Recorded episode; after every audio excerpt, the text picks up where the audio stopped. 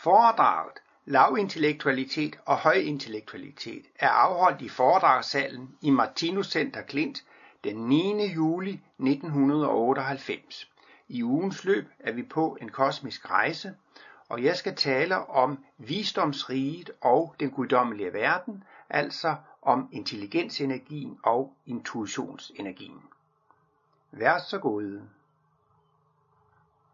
Vi skal øh, i dag fortsætte vores kosmiske rejse, og i dag skal vi tale om intelligensen og visdomsriget. Foredraget har fået titlen Lavintellektualitet og Højintellektualitet. Og titlen kommer fra en lille bog her af Martinus, som hedder Kosmiske Glimt. Det er bog nummer 19, og den første artikel, den hedder netop lav intellektualitet og høj intellektualitet. Desuden er der også en artikel, der hedder Det femte bud, og det svarer jo egentlig til vores rejse, der var vi, da vi var i dyreriget. Det var jo Anne Shevik, som talte om, du skal ikke i. Og den tredje artikel er den, der har givet bogen titlen Kosmiske Glimt, og det er jo det, vi skal høre om i morgen. Så jeg synes, denne bog her, den er faktisk meget relevant for denne uge med vores kosmiske rejse. Og øh, man kan tale meget om visdomsriget, der hvor intelligensen kulminerer, men for at få det lidt ned på jorden, kan det jo også være meget godt at tale om, hvordan intelligensen virker her, hvor vi er i dyreriget. Det er tit, at Martinus han taler om tre øh, epoker, og den ene det er jo altså primitivitetens epoke, og så kommer lavintellektualiteten og højintellektualiteten. Og vi har jo øh, et dyremenneskestadium, hvor vi ledes af vores instinkter og følelser, og det er jo altså virkelig en primitiv epoke. Men der sker utrolig meget, når intelligensen begynder at lyse ind i dyreriget, når den begynder at overskygge dyreriget. For intelligensen, det er virkelig en højere human egenskab, men den begynder altså allerede at stråle ind i dyreriget. Og i og med, at det er en højere human energi, så får den en utrolig kraft i dyreriget. Vi mennesker tilhører jo stadigvæk dyreriget, men vi er jo blevet, har jo fået en kolossal magt over dyrene. Vi er jo blevet dyrene kolossalt overlegne. Og det er altså takket være intelligensen, denne nye energi, der er begyndt at stråle ind i vores bevidsthed. Intelligensen er en sorteringsevne. Martinus taler om jo, at alt hvad vi oplever, det bliver der lavet kopier af, og bagefter så kan vi begynde at analysere og undersøge alle disse kopier, og vi kan altså sortere dem ud. Det kan være, at vi har set en bil på fire hjul, og vi har set en cykel på to hjul, og måske et lokomotiv med 16 hjul, og så kan man med intelligensen, og vi har en lang række oplevelser af huse og træer, men så kan man jo med intelligensen sortere det ud og gruppere alle disse oplevelser, vi har, for eksempel med ting, som har hjul på, og dem kan man også analysere. Så intelligensen den øh, er med til, at vi kan øh, få mere ud af vores øh, oplevelser, en sorteringsevne. Og øh, intelligensen, det er ikke en energi igennem hvilken vi oplever, det kan faktisk, øh, man kan opleve igennem instinktet, man kan ane med instinktenergien. Det er også klart, at man kan øh, føle med følelsesenergien, ikke?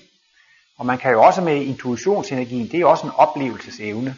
Men intelligensen, det er ikke en oplevelsesevne, det er altså en sorteringsevne. En intellektuel evne. Og øh, det er ikke, øh, intelligensenergien, den er neutral. Man kan ikke sige, at intelligensen, den er den er god eller den er ond, det kommer an på brugeren. Så den kan både bruges i egoismens tjeneste og i det godes tjeneste. Og der opstår jo altså en meget speciel blanding, når dyret begynder at få intelligens. For det er jo klart, at der vil intelligensen jo blive brugt i selvopholdelsesdriftens tjeneste. Intelligensen vil blive brugt egoistiske øje med. Og øh, jo mere intelligens man så får, desto mere kraftigt dyr bliver man. Man kan jo sige, at menneskene de er jo en slags øh, intelligente dyr med vores intelligens begynder at opfinde bue og pil, og allerede det gør, at øh, da menneskene gjorde det, at de begyndte at blive dyrene overlegne.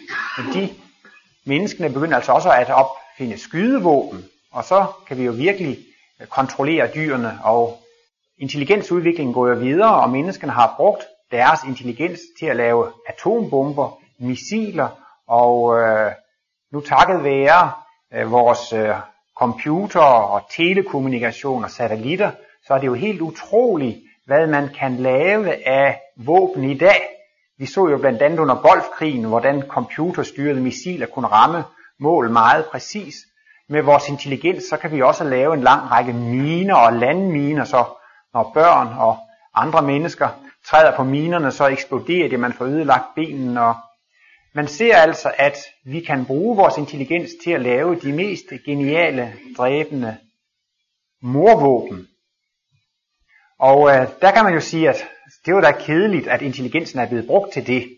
Men altså, det er ikke det, at intelligensenergien er ond, men det er altså det, at der har været en primitiv eller egoistisk bevidsthed, som har kunnet bruge øh, denne intelligens. Og øh, vi opfatter jo tit dagens videnskabsmænd som meget intellektuelle. Det er jo måske nogen, der synes, at det er toppunkten, det er højden af intellektualitet. Men på trods af det, så kalder Martinus alligevel denne form for intellektualitet lav intellektualitet. Så altså, der skal selvfølgelig en høj grad af intellektualitet til at konstruere missiler og bomber. Det skal man være meget klog, og det har jo også krævet, at videnskaben har måttet udvikle sig i flere århundreder, før den er bragt frem til at kunne lave disse atombomber. Men øh, man kan da ikke sige, at det er særlig klogt at lægge landminer ud, så folk de bliver invalideret, eller smide atombomber, så folk bliver dræbt og får strålingsskader. Det er da ikke særlig klogt. Så derfor synes jeg, det er naturligt nok, det kan man da ikke kalde for høj Høj intellektualitet, det er faktisk det samme som kosmisk bevidsthed. Men når det er høj intellektuelt, så er det virkelig i kontakt med de højeste love i livet. Det er i kontakt med de evige love, det er i kontakt med den, øh, den evige sandhed. Og øh, jeg vil også gerne lige vise øh, et symbol. Og det drejer sig altså om grundenergiernes kombination. Og her i planteriget, der er det instinktet, som styrer det levende væsens livsfunktioner. Det går altså automatisk, og instinktet er i virkelighed den gamle kosmiske bevidsthed omsat i automatfunktion. Man taler jo også om, at den fortabte søn, han fik udbetalt sin fædrene arv, og så havde han noget at starte på. Når de levende væsener skal starte i en ny spiral, så får de også udbetalt en arv at starte på, og denne arv, det er altså den gamle kosmiske bevidsthed omsat i automatfunktion. Instinktenergien leder alle automatiske processer, og planterne, de har jo ikke hjerne, de har ikke nervetråde, så det er altså automatik, der leder planternes øh, øh, livsfunktioner, og det er jo interessant at se, at der er sådan et slags modsætningsforhold imellem instinkt og intelligens. Fordi når alle livsprocesser bliver ledt automatisk, så bliver de jo ikke øh, styret intellektuelt. Og så sker der faktisk sådan en udviklingsproces, hvor livsfunktionerne bliver styret mindre og mindre automatik, og vores livsprocesser de bliver mere øh, reflekterede, de bliver mere bevidste. Og det er også klart, at der hvor intellektualiteten og den bevidste tænkning kulminerer, der må automatikken være på sit latente stadium. Og vi ser altså her, hvordan intelligensen begynder at lyse ind i øh, dyreriget, og øh, det er så allerede dyrene jo selvfølgelig, der begynder at bruge deres intelligens på, hvordan de bedst kan øh, overvinde andre dyr. Men det er jo virkelig her på jordmenneskestadierne, hvor intelligensen får lov til at slå ind. Jeg kan måske også lige tillade mig ganske kort at gøre opmærksom på de andre kontrastpar her i dyreriget. Her er vi jo begrænset af tid og rum. Og får at denne opfattelse af, at vi er et med materien, at vi er et med vores fysiske krop, og at vi kun har et liv, fordi der er intuitionen latent. Og der hvor intuitionen er latent, der taber man sin evighedsbevidsthed. Man taber sin gudsbevidsthed. Og det er man jo også nødt til. Man er jo nødt til at tabe bevidstheden om det uendelige, det evige, om guddommen, for at kunne føle sig identisk med materien og den fysiske krop. Og der oplever man jo altså også sådan en slags kosmisk død. Og når man tror, at det forholder sig på denne måde, så er man jo altså faktisk også lavintellektuel. Selvom man er en meget intelligent videnskabsmand, så har man øh, helt mistet evighedsbevidstheden og kan derved ikke opleve de evige sandheder. Og så er man jo ikke, man kan ikke opleve de evige love, så er man ikke i kontakt med sandheden. Og øh, der er også et andet kontrastpar, som jeg ikke skal gå så meget ind på, men det er også dette, at når følelsen kulminerer, så kulminerer man jo i oplevelse i den ydre verden, der føler man maksimalt. Og derfor må man jo så også være i et minimum i den indre verden, i hukommelsen. Og omvendt må det så være sådan, at når, man, når følelsen er på et minimum, og det er den jo i mineralriget, så må jo den indre følelse, altså hukommelsen, være på et, et maksimum. Og vi ser så her hos os mennesker altså, at instinktet det degenererer. Der er flere og flere processer, som ikke går automatisk. Og så må vi jo så begynde at tænke os om og udvikle intelligensen. Og man kan for eksempel se på det med maden. Dyrene, de kan jo udvælge deres mad helt instinktivt. De ved, hvilke planter de skal spise, og hvilke planter de skal undgå. Men vi er jo tit nødt til at læse bøger om sundhed og sund ernæring, for at kunne udvælge den rigtige føde. Så efterhånden, som vores instinkter svigter, så må vi altså udvikle vores intelligens, og så må vi altså mere bevidst udvælge vores øh, føde, så det bliver den bedst mulige øh, føde. Jeg vil også gerne lige vise et delsymbol, som I kender fra symbolet over bønden. Og her har Martinus lavet, man kan nærmest sige, sådan en lille tegneserie. Her skrider det altså fremad. Og fælles for de to første stadier, det er jo, at det er domineret af følelse. Og deres opfattelse af, hvordan universet er, eller hvordan guddommen er, er altså meget følelsesdomineret. Religiøsitet er baseret på en kombination af instinkt og følelse. Man føler sig absolut overbevist om, at der findes ånder i naturen, at der findes liv bag øh, stenen og vandfaldet og træerne og vinden. Men man har ikke nogen klar forståelse af, hvad det levende univers er, eller hvad guddommen er. Her er der kommet lidt mere intelligens ind i billedet, og der har man altså fået en forestilling om, at der kun findes én Gud. Og det er jo så fælles for de øh, senere religioner, blandt andet i jødedommen, kom det her med, at der måtte kun være én Gud, man skulle ikke dyrke afguder. Kristendommen og islam, der har man jo altså også det, at der er kun én Gud, men man har måske ikke den helt korrekte kosmiske gudsopfattelse, derfor dette spørgsmålstegn. Men her er vi kommet til et stadium, hvor intelligensen er blevet dominerende. Og der er nogle mennesker, som kan blive utrolig stærkt materialistiske. De anerkender altså kun eksistensen af den fysiske verden, og man er identisk med den fysiske krop. Denne oplevelse er jo også nødvendig i det evige spiralkredsløb. Martinus taler jo om, at denne jeg-bevidsthed, den skal fornyes. Når vi engang får kosmisk bevidsthed, så vil vi komme til at føle os et med alle andre levende væsener. Vi vil føle os et med guddommen. Og dette forsyn, det er også en enhed af kristusvæsener. Hvis man i alt for lang tid gik i denne enhedsfølelse, så ville ens individualitetsfølelse efterhånden blive udslettet. Derfor er det nødvendigt, at denne jeg-fornemmelse, den bliver genoplivet, den bliver fornyet, og det gør den hver gang, man går ind i spiralkredsløbet.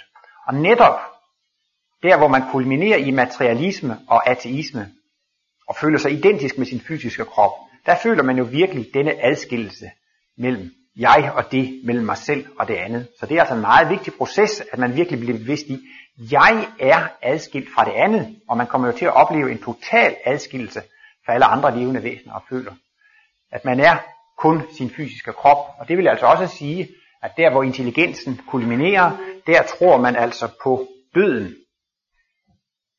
Men det virker jo som om, at det ikke er alle mennesker, som bliver lige materialistiske. Der er nogle folk, som bliver udpræget mere materialistiske end andre. Og det har Martinus også givet en lille forklaring på et sted i bogen Logik der sammenligner han altså intelligensen med et højere lys, der lyser ind i en mørkere verden. Altså denne dyriske verden og denne verden, vi havde i oldtiden og middelalderen, var jo på en måde en, en mørk verden. Men så begynder der et nyt lys at stråle ind i denne mørke verden, og det er jo altså intelligensen. Videnskaben begynder at opstå.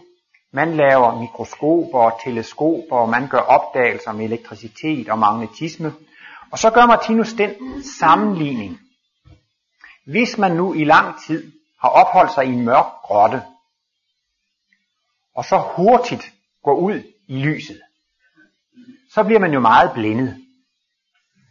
Og man kan sige, jo hurtigere man går fra den mørke grotte og ud i lyset, desto mere blindet bliver man.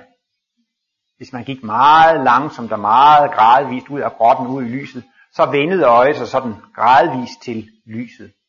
På samme måde er der altså nogle mennesker, som er gået meget hurtigt ind i dette intelligensens lys. Man kan sige altså, der kan være nogle mennesker, som er kommet fra den mørke middelalder, og i den grad er blevet fascineret af videnskaben og forskningen, at de bruger al deres liv og deres tid og deres kraft på dette med intelligensen. De er altså gået meget hurtigt ind i intelligensens lys, og derved kan de også blive meget forblændede af intelligensen, og kan blive næsten blive det, vi kalder hårdkogte materialister. Jeg synes tit, det er sjovt, når man ser fjernsynsprogrammer, hvor der er videnskabsmænd, der skal forklare, hvordan tingene hænger sammen. Og jeg synes altså, de holder virkelig på deres materialistiske principper. De anerkender kun det, der kan måles og vejes, og der synes jeg altså tit, at disse universitetsprofessorer, de er altså virkelig hårdkogte materialister. Og grunden til, at man i den grad kan blive øh, materialist eller overbevist af det, er så åbenbart, at man er gået så hurtigt ind i dette intelligensens lys, så man er blevet helt, helt forblindet af det. Og så det vil måske være sådan, at andre de bliver ikke helt så øh, materialistiske, fordi de vender sig gradvist mere til dette nye lys. Men altså det der med at forstå sandheden, det er jo altså ikke bare med at forstå sandheden bag de materielle ting, det er jo et spørgsmål om at forstå de evige love. Og øh, vi hjælper altså af denne lavintellektualitet, hvor øh, intelligensen kulminerer, der kan man altså komme til at forstå de fysiske love. Men der kommer altså også et højere stadium, altså det høj intellektuelle stadium, der hvor man skal forstå alt i livet. Og øh, i sin ren kultur, så er jo altså høj intellektualitet det samme som kosmisk bevidsthed. Men denne høj intellektualitet, den begynder jo allerede at stråle ind i vores øh, verden nu. I form af forskellige videnskabsmænd eller kunstnere, Martinus har jo denne definition af kunst, at det er høj intellektualitet inkarneret i fysisk materie. Og det lyder jo selvfølgelig lidt, måske nok lidt højtravende, høj intellektualitet inkarneret i fysisk materie. Men det betyder altså, at der er nogle af de evige love, nogle af de kosmiske love, de er altså blevet udtrykt i fysisk materie. Og det kan jo egentlig være på et lærred, det kan være i en roman, det kan være i form af svingninger, det kan være i form af musik. Og øh, det viser sig også, at der er jo noget kunst, som bliver så at sige til evergreens eller klassikere. Der er nogle bøger, nogle malerier, nogle musikstykker. Det bliver klassikere. Dem husker folk. Og så bliver der skrevet en masse musik og bøger og teaterstykker, som lynhurtigt går i glemmebogen. Hvordan kan det egentlig være, at der er noget, som bliver til klassikere, og noget, det går hurtigt i glemmebogen. Det afhænger af, hvor meget af de evige sandheder eller love, der er kommet med i det. Jeg tænker nogle gange på den norske maler Munk. Jeg kan så godt lide hans billeder. Han har for eksempel vist et billede af kysset, hvor der er to mennesker, der kysser hinanden. Men det er malet på sådan en mærkelig måde, så de to mennesker, de hænger sammen. Det er som om, de er vokset sammen, de går ud i et. Men det er jo også det, Martinus siger om den enepolede forelskelse. Manden skal forlade sin far og mor og holde sig til sin hustru, og de skal blive et kød. Det synes jeg, det er jo en genial måde, som det er udtrykt på i et maleri, hvor de ved hjælp af kysset, så hænger de to hoveder sammen. Og så kan man også sige, jamen det er jo egentlig en, en evig lov, som her er blevet udtrykt i fysisk materie på, på et malerlærred. Og så bliver sådan noget altså en uh, evergreen. Jeg tænker også på bogen Dr. Jekyll og Mr. Hyde af Robert Louis Stevenson. Den er skrevet nu for over 200 år siden. Men den er ikke gået i glemmebogen. Hvorfor er den ikke det? jamen den udtrykker jo også en sandhed. I kender sikkert alle Vitus tegning af de to sind, altså den egoistiske, den dyriske side og den menneskelige side af vores bevidsthed. Der har Vitus tegnet en tegning, så det er også interessant, at Martinus faktisk har brugt Vitus tegning i sine egne foredrag. Så Martinus synes jo, det var jo en god tegning. Og man kan sige, jamen det er jo faktisk det samme, som der er udtrykt i denne bog om Dr. Jekyll og Mr. Hyde. Dr. Jekyll, det er så altså den gode kærlige mand. Når han får en droge, så bliver han kærlig. Og øh, når han får en anden droge, så bliver han den onde Mr. Hyde. Så han kan altså ligesom svinge imellem de to sindstilstande. Men det er blevet en klassiker, og det mener jeg, det er fordi, at den rører altså ved nogen af det evige livs øh, sandheder. Så selvom øh, mange kunstnere for eksempel i dag ikke har kosmisk bevidsthed, så kan de alligevel godt opleve nogen af de evige love, og det gælder selvfølgelig også for videnskabsmænd.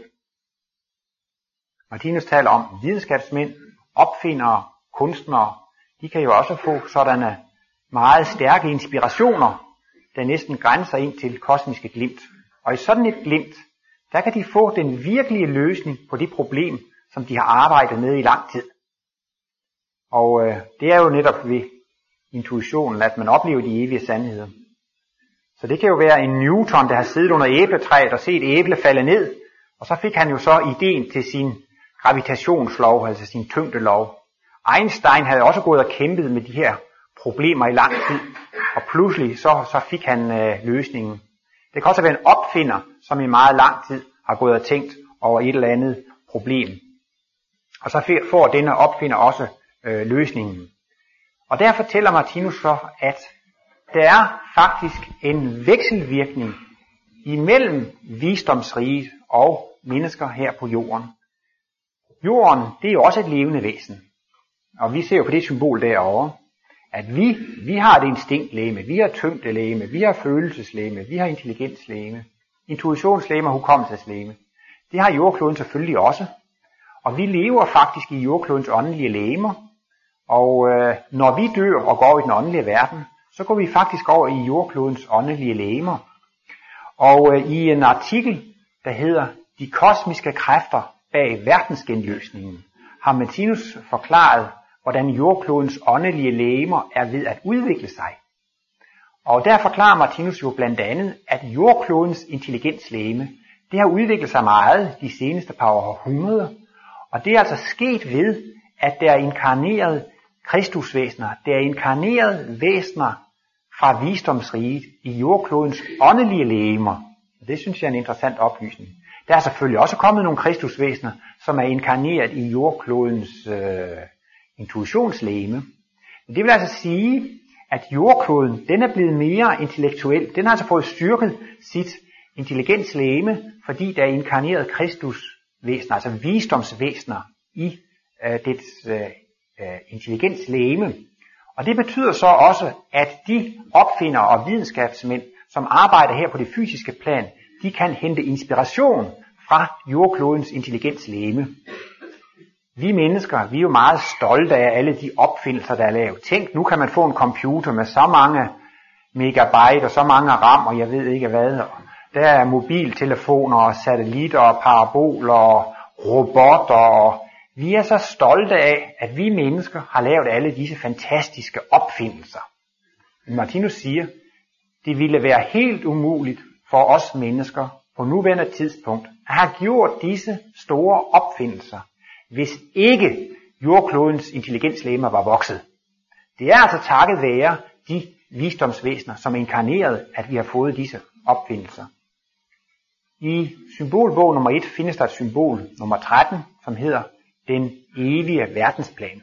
Der går Martinus alle seks tilværelsesplaner igennem, og øh, da han kommer til øh, visdomsriget, skriver han forholdsvis detaljeret om den korrespondence, der er imellem visdomsvæsenerne og væsenerne på det fysiske plan. Visdomsriget, det er jo så at sige guddommens opfinder værksted. Det er guddommens arkitektbord. Og der er altså en lang række væsener, som arbejder med at skabe nye organismetyper. En forudsætning for det evige liv, det er selvfølgelig, at vi i al evighed kan opleve noget nyt.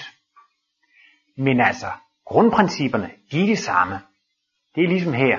Det er dag og nat, og dag og nat, og sommer og vinter. Så kunne man jo synes, livet, det må da være død kedeligt. Det er altid det samme. Nat og dag, nat og dag. Sommer og vinter, sommer og vinter. Det, livet må jo være forfærdeligt monotont. Men det er altså det, også med det evige liv. Der er nogle principper, de er uforanderlige, de er evige, de forandrer sig ikke. Men detaljerne, den lokale kolorit, den kan varieres i det uendelige. Og sådan er der også, også med det evige liv. Der er sommer og vinter, sommer og vinter. Og det er altså det, man skifter mellem den åndelige verden og den fysiske verden.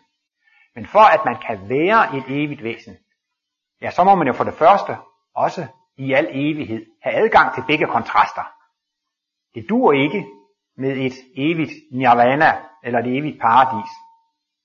Der lærte jeg et nyt udtryk sidst, jeg var i Stockholm. Vi taler jo tit om, at når vi har fået en på hovedet, eller drukket os helt bevidstløse, eller hvad det kan være, så kan man sige, at man oplever et blackout. Man synes, det hele bliver sort, så kan man ikke huske mere. Man kan ingenting opleve, fordi det hele er sort. Men hvis der var et evigt paradis, et evigt nirvana, hvor man altså i det evige liv kun havde adgang til én kontrast, til lyskontrasten, så ville man jo komme til at opleve et whiteout.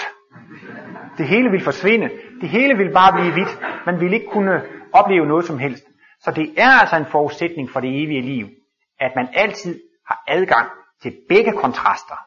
Men altså, det er jo ikke nok, at det bare bliver sort-hvidt, sort-hvidt. Det må altså også være sådan, at alle detaljerne, de kan forandres. Vi forstår jo godt i vores perspektiv, at denne sommer, det bliver ikke den samme sommer, som det var sidste sommer, og det ikke som forrige sommer.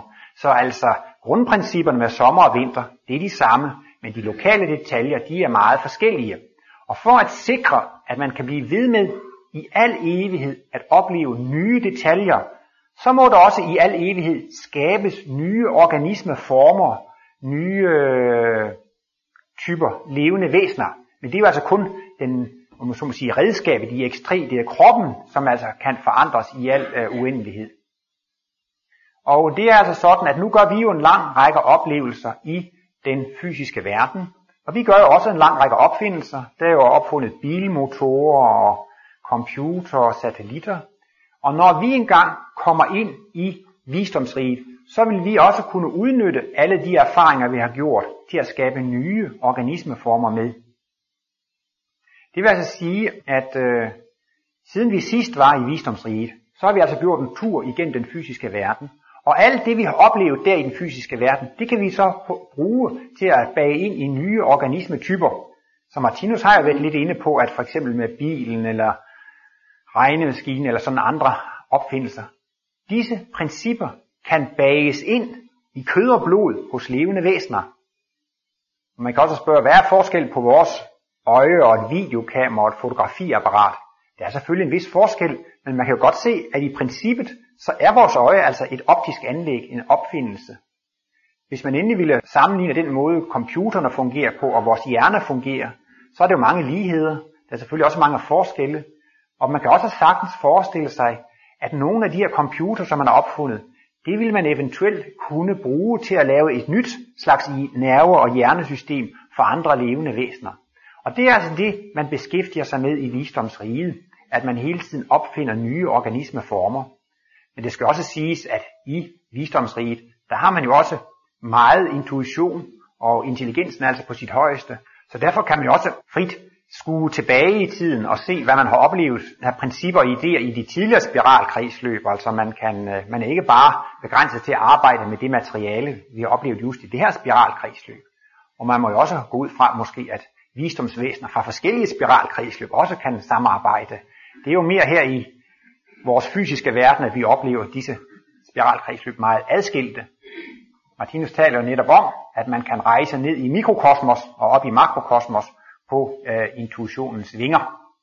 Men øh, i denne symbolforklaring, med øh, hvor Martinus forklarer, hvordan man vekselvirker mellem visdomsriget og den fysiske verden, der forklarer han altså også, at disse visdomsvæsener, de vil under tiden gerne have afprøvet deres opfindelser på det fysiske plan.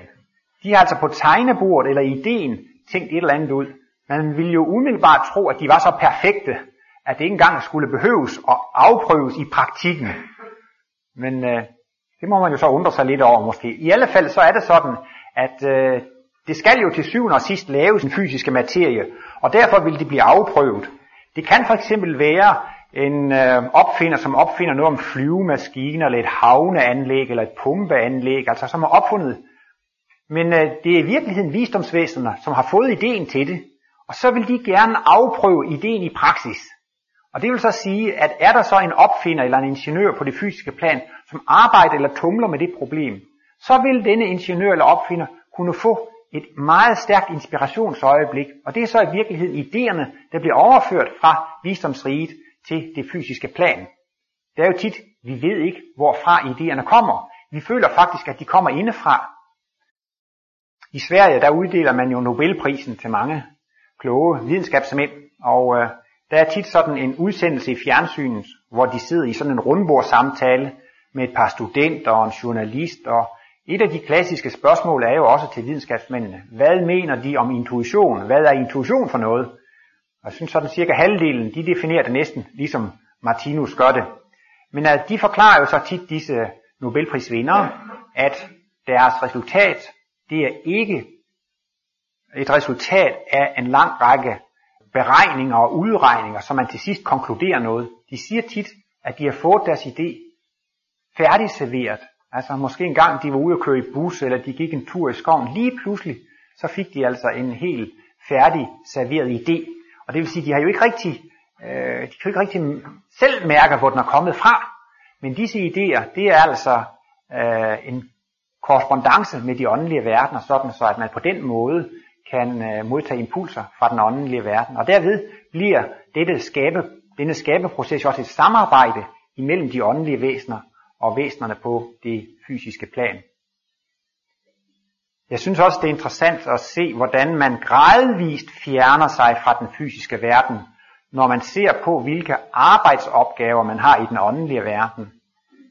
Først så er man jo i den fysiske verden, og så via materialisation og dematerialisation, så går man ind i det rigtige menneskerige, ind i de åndelige verdener. Men hvad er det så, man interesserer sig for i dette første, på der første åndelige plan? Jamen det er jo at hjælpe mennesker på jorden.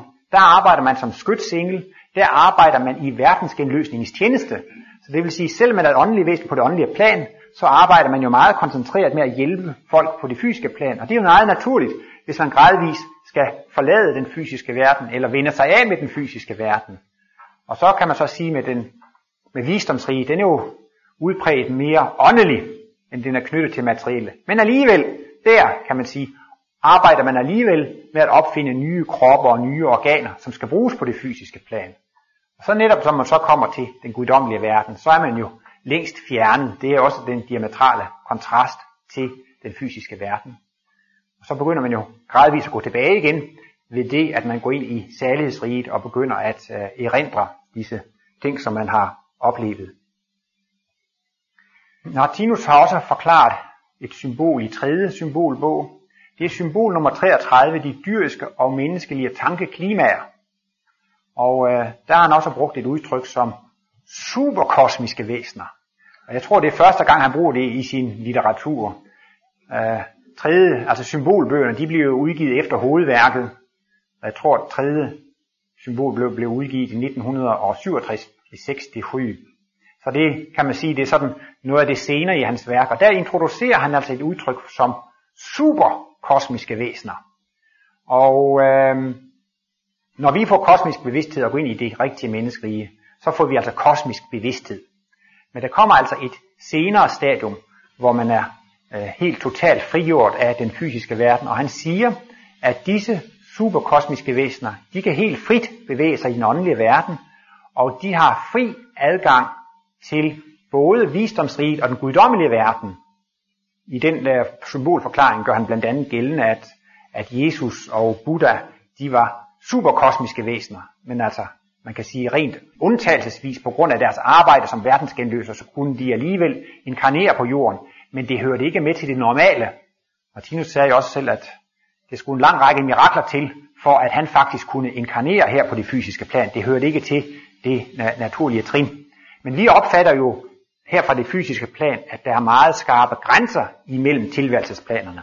Det er planteriget, og mineralriget, der er sådan en skarp grænse, og en skarp grænse mellem planteriget og dyreriget, og dyreriget, så skal vi have kosmisk bevidsthed, så går vi ind i rigtige menneskerige.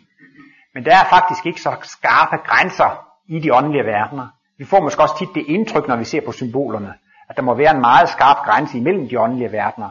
Men det er der i virkeligheden ikke. Man har, så at sige, fri adgang der til de åndelige verdener. Og det vil jo også, også sige, at selvom disse visdomsvæsener, de arbejder med kulminationen af intelligensudfoldelse, så har de selvfølgelig også meget intuition og har adgang til at se alle livets principper og love. Martinus har også brugt det her udtryk med lokal logik.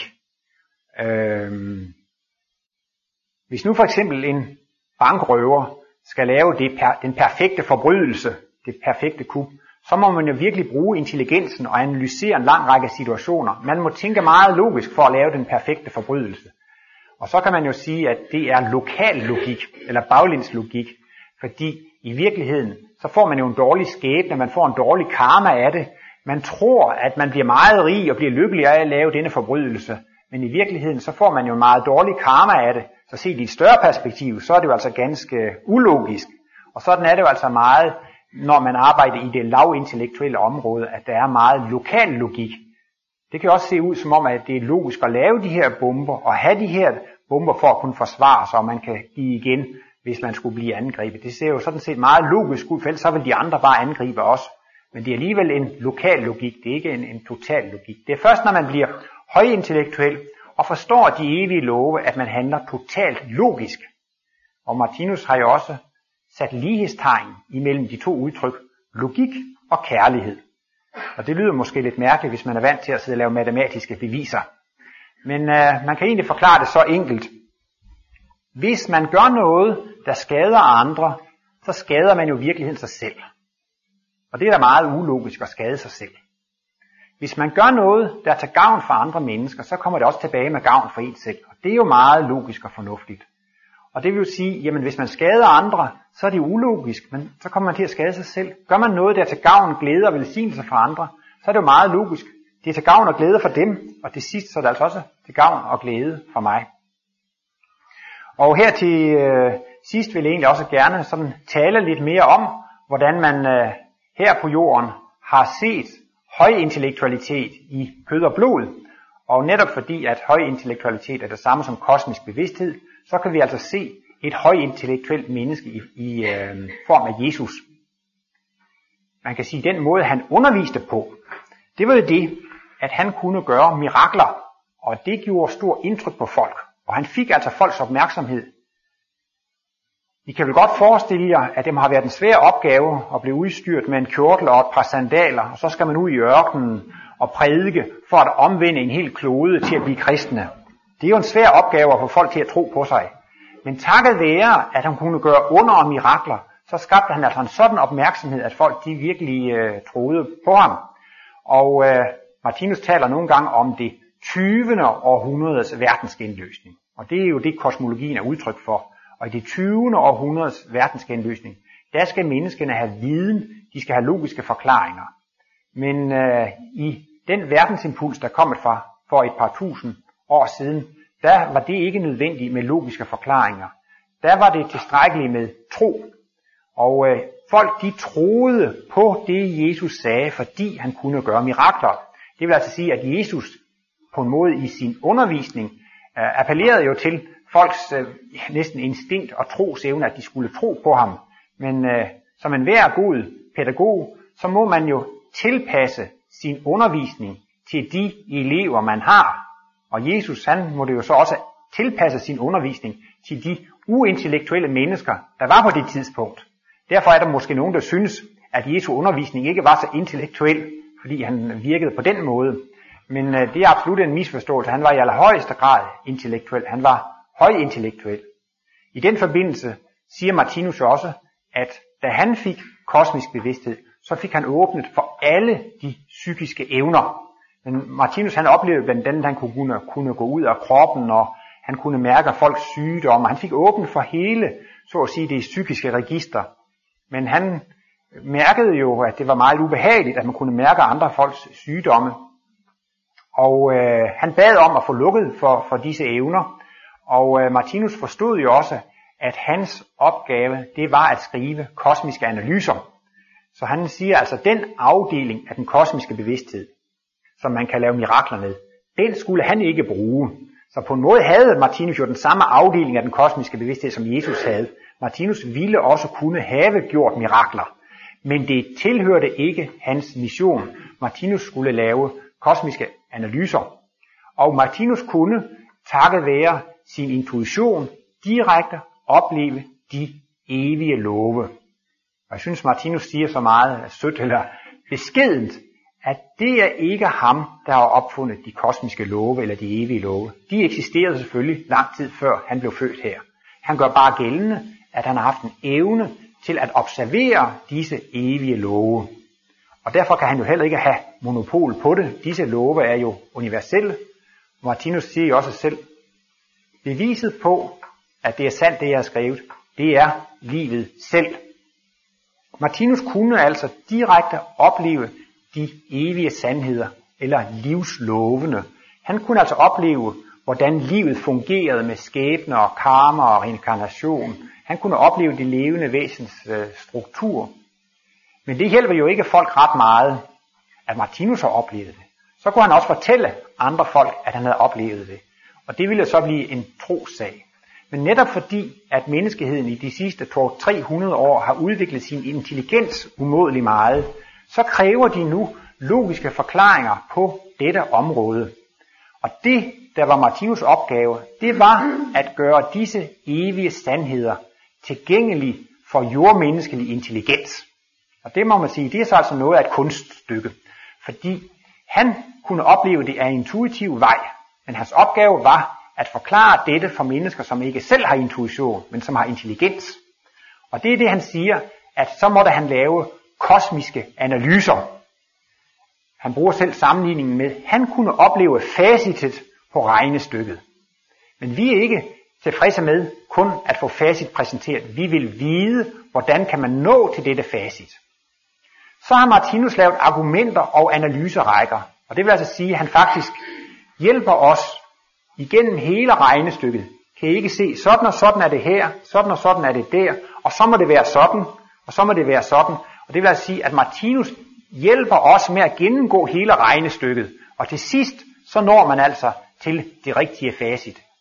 Skal man karakterisere den gamle verdensimpuls med et enkelt ord, så må det være tro.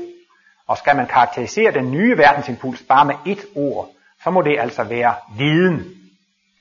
Og det, øh, der ligger i det, det er jo altså det, at ens opfattelse af livet, det skal nu ikke være baseret på tro, men altså på viden.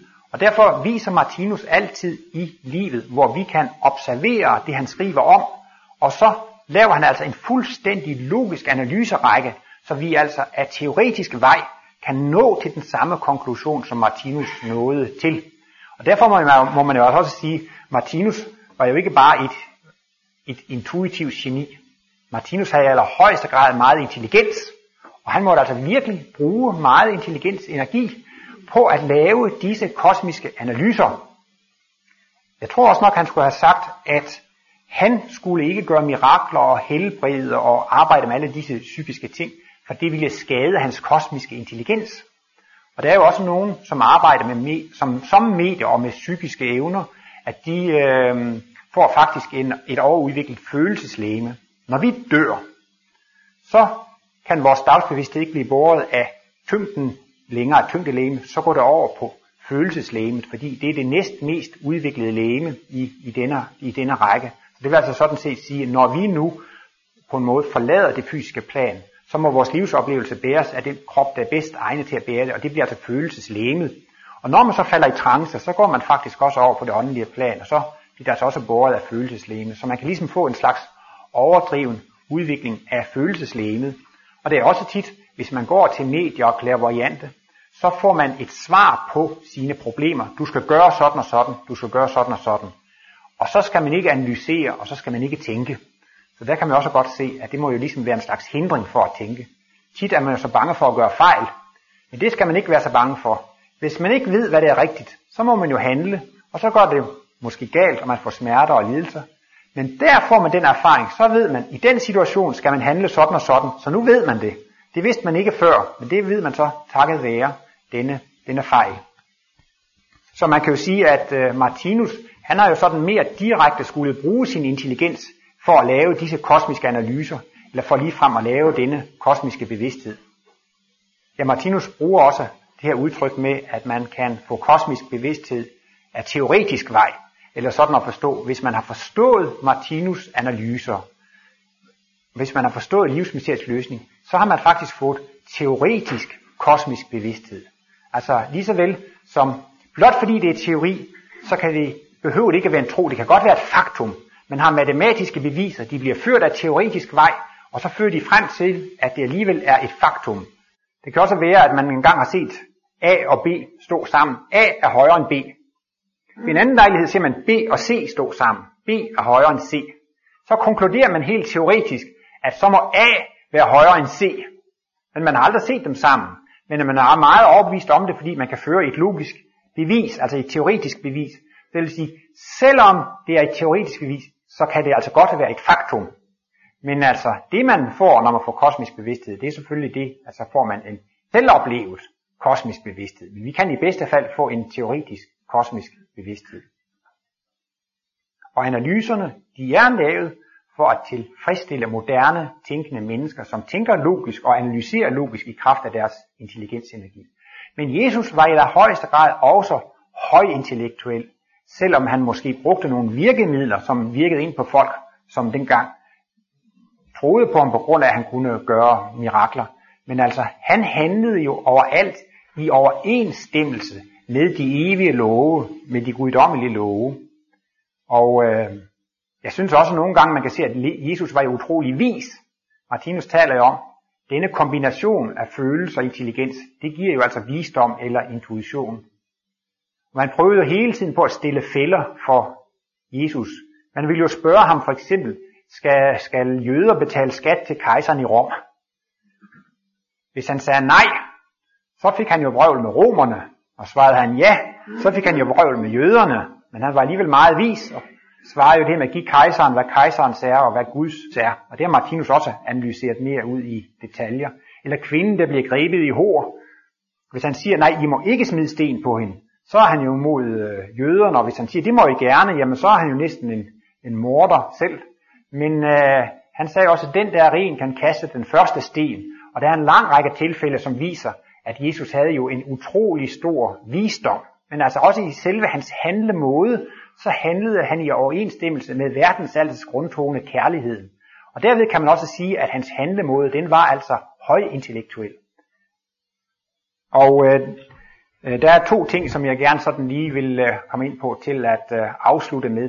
Og det ene, det er jo altså ens relation til det levende univers eller til guddommen.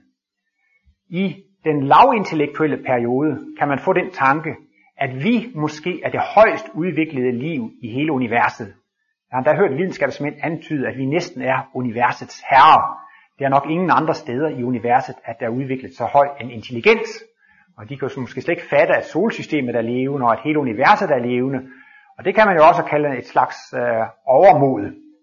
Og øh, det, der også åbner for intuitionen, det er faktisk, når mennesker begynder at føle sig små. Man begynder at føle sig lille. Martinus siger også ydmyghed. Det er nøglen til visdommens port, og det gælder altså om at finde sin rigtige plads. Og det er jo klart, at man kommer ikke til sandheden, når man overvurderer sig selv. Hvis man tror, at man er klogere end andre mennesker, så kan de jo ikke lære en noget, fordi jeg er jo meget klogere end dem. Og derved øh, får man jo faktisk ikke nogen lærdom eller viden af dem. Det vil altså sige, at hvis man er overmodig, så, så blokerer man jo faktisk for en undervisningsproces. Men hvis man derimod er ydmyg og forstår, at man er ganske lille og i forhold til universet, og man ikke ved ret meget, så har man jo også de bedste forudsætninger for at øh, lære noget. Og ydmyghed, det er jo ikke det, at man skal være sådan et uselt slavekryb, men det er altså det, at man skal kende sin rette position i udviklingen, hverken mere eller mindre. Og for os er det jo, vi vil jo gerne erkende vores gode sider, men helst ikke erkende de dyriske sider. Men man er altså ydmyg og har kendt sin rette position, Altså når man kender sin rette position, så er man altså, har man en naturlig ydmyghed. Og jeg synes selv, hvis man studerer alle naturens skabelsesprodukter. Jeg er selv biokemiker og er utroligt dybt fascineret af cellens biokemi. En lille celle, mindre end en tiendel millimeter, det er en gigantisk stor kemisk fabrik, hvor alle processer går utrolig logisk og hensigtsmæssigt til. Og det er en, et, et kæmpe spektrum af forskellige processer. Det er mange gange mere genialt end hvilken som helst kemisk virksomhed, der syntetiserer lægemidler og vitaminer osv. Altså cellen, cellen som kemisk fabrik, den overgår langt alt, hvad mennesker har kunnet skabe af kemiske fabrikker. Så derfor synes jeg også, at naturen, den har da en skabekraft, som er langt større end menneskenes skabekraft. Og hvis man altså virkelig fordyber sig i alle naturens skabeprocesser, man kan også forundre sig over universets konstruktion og atomernes og molekylernes konstruktion, så må man jo komme til, naturen er meget mere genial end vi mennesker. Og derved vil man også lære sin korrekte position i forhold til universet, og derved få en mere ydmyg holdning til det. Og man må jo ligesom se, at alt i tilværelsen, det er logisk og hensigtsmæssigt. Martinus viser jo med alle sine analyser, at alt har et formål, alt har et hensigt, alt er et kosmos. Kaos og tilfældigheder eksisterer ikke. Og det er jo altså virkelig godt at komme så langt, at man ligesom erkender, at alt i universet det er hensigtsmæssigt og planmæssigt. Og derved får man jo så denne ydmyge holdning til universet. Og det var jo også det, Jesus så udtrykte, da han stod i Gethsemane have og ikke vidste, hvad han skulle gøre. Han var i tvivl om, han skulle flygte, eller han skulle lade sig korsfeste. Hvis han lod sig korsfeste, så ville hele hans mikroverden jo blive dræbt. Han ville overlade hele det univers, som han var ansvarlig for, til at blive dræbt. Og det var jo også et stort problem. Men spørgsmålet var altså, hvad var det største eller det mindste onde? Og øh, så siger han, lad denne kalk gå forbi mig, hvis det er muligt. Og det er en bøn, som alle vi mennesker kan bede. Og hvis man beder om, at denne kalk må gå forbi, så betyder det, at man beder om, at man må slippe for problemerne. Men han tillader altså, men ske ikke min, men din vilje. Og i Bibelen så berettes der om, at straks så stod der en engel for ham og talte med ham og gav ham kraft og styrke til at gå igennem dette. Jeg ser nogle gange tegnefilm, og så er det jo tit, der er nogle små mus, der bliver jaget af katte og andre stykke dyr. Og lige pludselig så kommer der en lille fe, pling, og så sker der noget magisk, og så takket være denne magiske fe, så bliver de små mus alligevel frelst. Men øh, jeg har alligevel tænkt på, at det er jo faktisk også det rene magi. Når man har den rigtige indstilling til universet der, så sker der noget magisk faktisk. Der kommer jo også ligesom en fe i tegnefilm. Der kommer altså en lysets engel, som altså giver styrke og kraft og hjælper. Og det vil altså sige, at der sker simpelthen noget magisk, når man i bøn retter sin øh, bevidsthed mod guddommen eller det levende univers. Og øh, en anden af mine favorithistorier fra Bibelen, det er jo også denne historie med Abraham, som også skulle vise, at han havde fuld tillid til guddommen, og at han var villig til at følge Guds vilje. Og øh, han blev jo så bedt om, at for at vise, at han virkelig havde fuld tillid til guddommen, at han skulle give afkald på det allerbedste, han havde. Og det kæreste og det bedste, han havde, det var jo altså synden. Og øh, hvis Gud ville, så var han villig til at give afkald på det bedste, han havde. Det skal selvfølgelig ses symbolsk, men vi kan jo også prøve at tænke på, er jeg selv villig til at give afkald på det bedste, jeg har? Min formue, min hus, min kæreste, mine børn, eller hvad, hvad der skal være. Men det er jo altid, hvis der er noget, man ikke kan give afkald på, så er man jo meget sårbar. Men hvis man i alle livets situationer var indstillet på at give afkald på det, hvis der var Guds vilje, så ville man være ganske usårbar. Hvad kan ramme en, fordi man er villig til at give afkald på alt, om så skulle være. Og Abraham, han laver jo også det der offerbål, og er klar til at ofre sin søn. Og der så Gud virkelig forstår, eller der han jo virkelig vist, at han er villig til at give afkald på det bedste, han har. Så har han jo også bestået eksamen, og der kan man sige, der sker så altså også noget magisk igen. Og der kommer så en røst fra himlen, at han behøver ikke at ofre sin søn. Og så var der vist en eller anden buk, som var filtret ind i en tjørnebusk, og så blev den så offret i stedet for. Det er selvfølgelig ikke så vegetarisk, men, øh, men øh, man må her forstå, at det drejer sig om et meget symbolsk. Og det viser sig altså igen, at løsningen kommer, når man er villig til at lægge tingene i Guds hænder. Og en tredje historie, som faktisk går på det samme tema, det er også historien om den fortabte søn. Han får jo udbetalt den fædrende arv og øder alle pengene bort og øh, lever i dyb fornedrelse og lever sammen med svinene og æder af det samme tro som svinene. Og han er altså, kan man sige, helt nede i skidtet. Han er helt nede i sit livs største problem. Og der kan vi jo så også spørge os, hvad gør vi, når vi står i vort livs sværeste problem? Enten ligesom Jesus i Gethsemane, eller som den fortabte søn. Den fortabte søn, han gør også det bedste. Han beder om at blive den ringeste daglejer i faderens hus. Og det betyder altså, at han beder om at måtte få lov til at hjælpe andre. Og det er jo også at praktisere næstekærligheden eller handle i overensstemmelse med verdensaltets grundtone. Han beder ikke om at blive direktør, eller få en fornem stilling, eller få et behageligt arbejde. Det er jo symbolsk udtryk ved den ringeste daglejer. Altså han beder bare om, at han kan få lov til at samarbejde med guddommen, altså om at praktisere næstekærlighed. Der har han jo også fået den rigtige holdning. Man kan jo principielt handle med livsloven og handle imod livsloven. Hvis man er egoistisk og selvisk, så handler man imod livsloven og får en ubehagelig karma, og hvis man handler med livsloven, så praktiserer man altså næste kærlighed og får at vide, at det er en god karma. Så han beder jo faktisk også om, at måtte handle i overensstemmelse med universets grundtone, al kærligheden. Og der sker jo på en måde også et mirakel.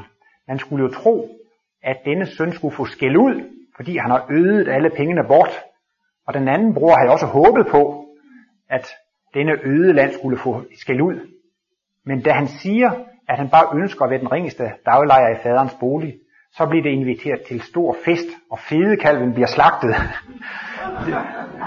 Men det er jo altså også bare et symbol på, at det skal være den allerstørste og den allerbedste fest, som man, man kan få. Så jeg synes, i alle tre tilfælde, der har man altså set, at der sker et stort mirakel, når man øh, går ind på denne øh, bølgelængde. Så det er jo det, altså det, der drejer sig om i alle livets situationer. Men dette med at bede og have denne relation til guddommen, det er ikke en viljesag eller en intelligenssag, det er en træningssag. Martinus siger, det med bønden, det er præcis det samme, som hvis man vil optræne et talent for at spille piano eller klaver. Man må træne og øve. Og sådan er det altså også med, med guddommen. Vi har jo vores tusindårige gamle vikingementalitet, hvor man ser fjenderne som årsag til problemerne. Man deler verden i to dele, vennerne og fjenderne. Dem, der er behagelige og gode ved os, dem, der irriterer os, og vi er hurtige til at have sådan et syn på, dem kan vi godt lide, og dem kan vi ikke lide. Det er også lidt af det, vi får repeteret ved fodboldkampen. Dem holder vi med, de skal vinde, og de skal ikke vinde. Altså det er virkelig denne gamle tænkning i lys og mørk, sort og hvid, ven og fjende. Og det er virkelig svært at udrydde denne form for tænkning. Det der med at have favoritter, og ja, vi ved i hvert fald i familien, så er det jo ikke så godt, hvis forældrene foretrækker et barn frem for et andet barn. Det er selvfølgelig rart for det barn, der er favorit, men det er ikke så rart for de børn, der ikke er favoritter. Så det er meget svært at vende sig til at se det hele som værende lys alt sammen, som værende godt alt sammen, at se, at alle er repræsentanter for guddommen, og alt hvad man oplever, det er altså Guds tale til en.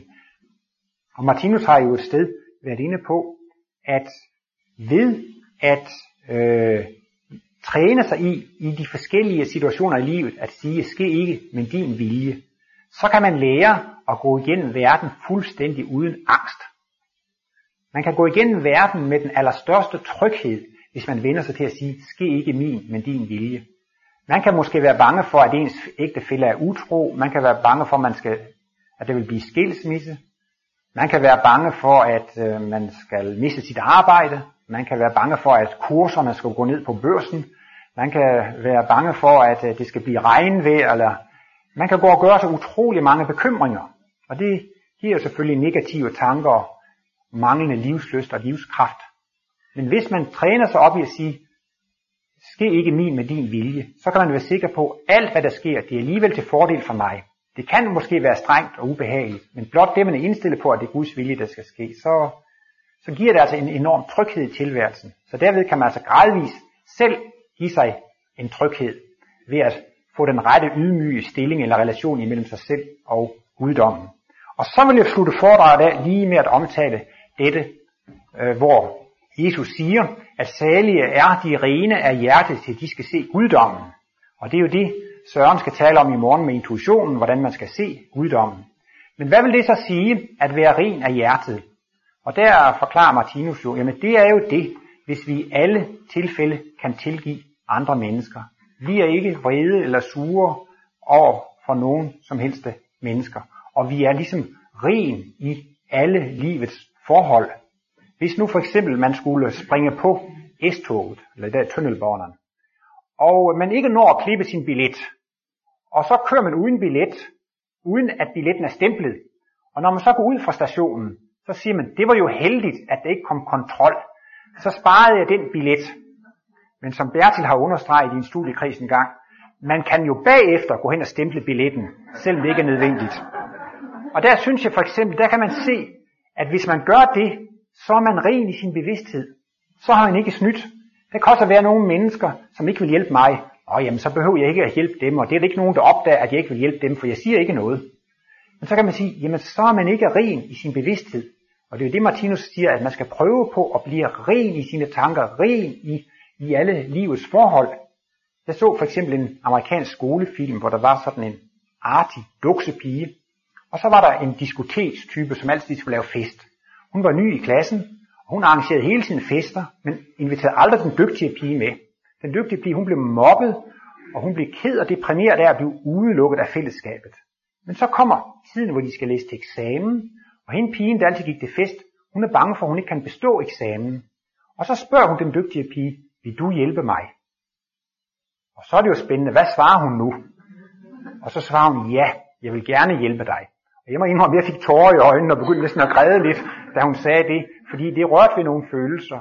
Og det er jo også det, man kan kalde for Kristusmotivet, ikke? At så handler man ligesom Kristus ville gøre. Man velsigner dem, der forbander og forfølger en. Og ved på den måde at lære at tilgive alle mennesker, så bliver man altså ren i hjertet, og vil til sidst få lov til at få kosmiske glimt og kosmiske bevidsthed, ved at man altså får lov til at se Gud. Tak.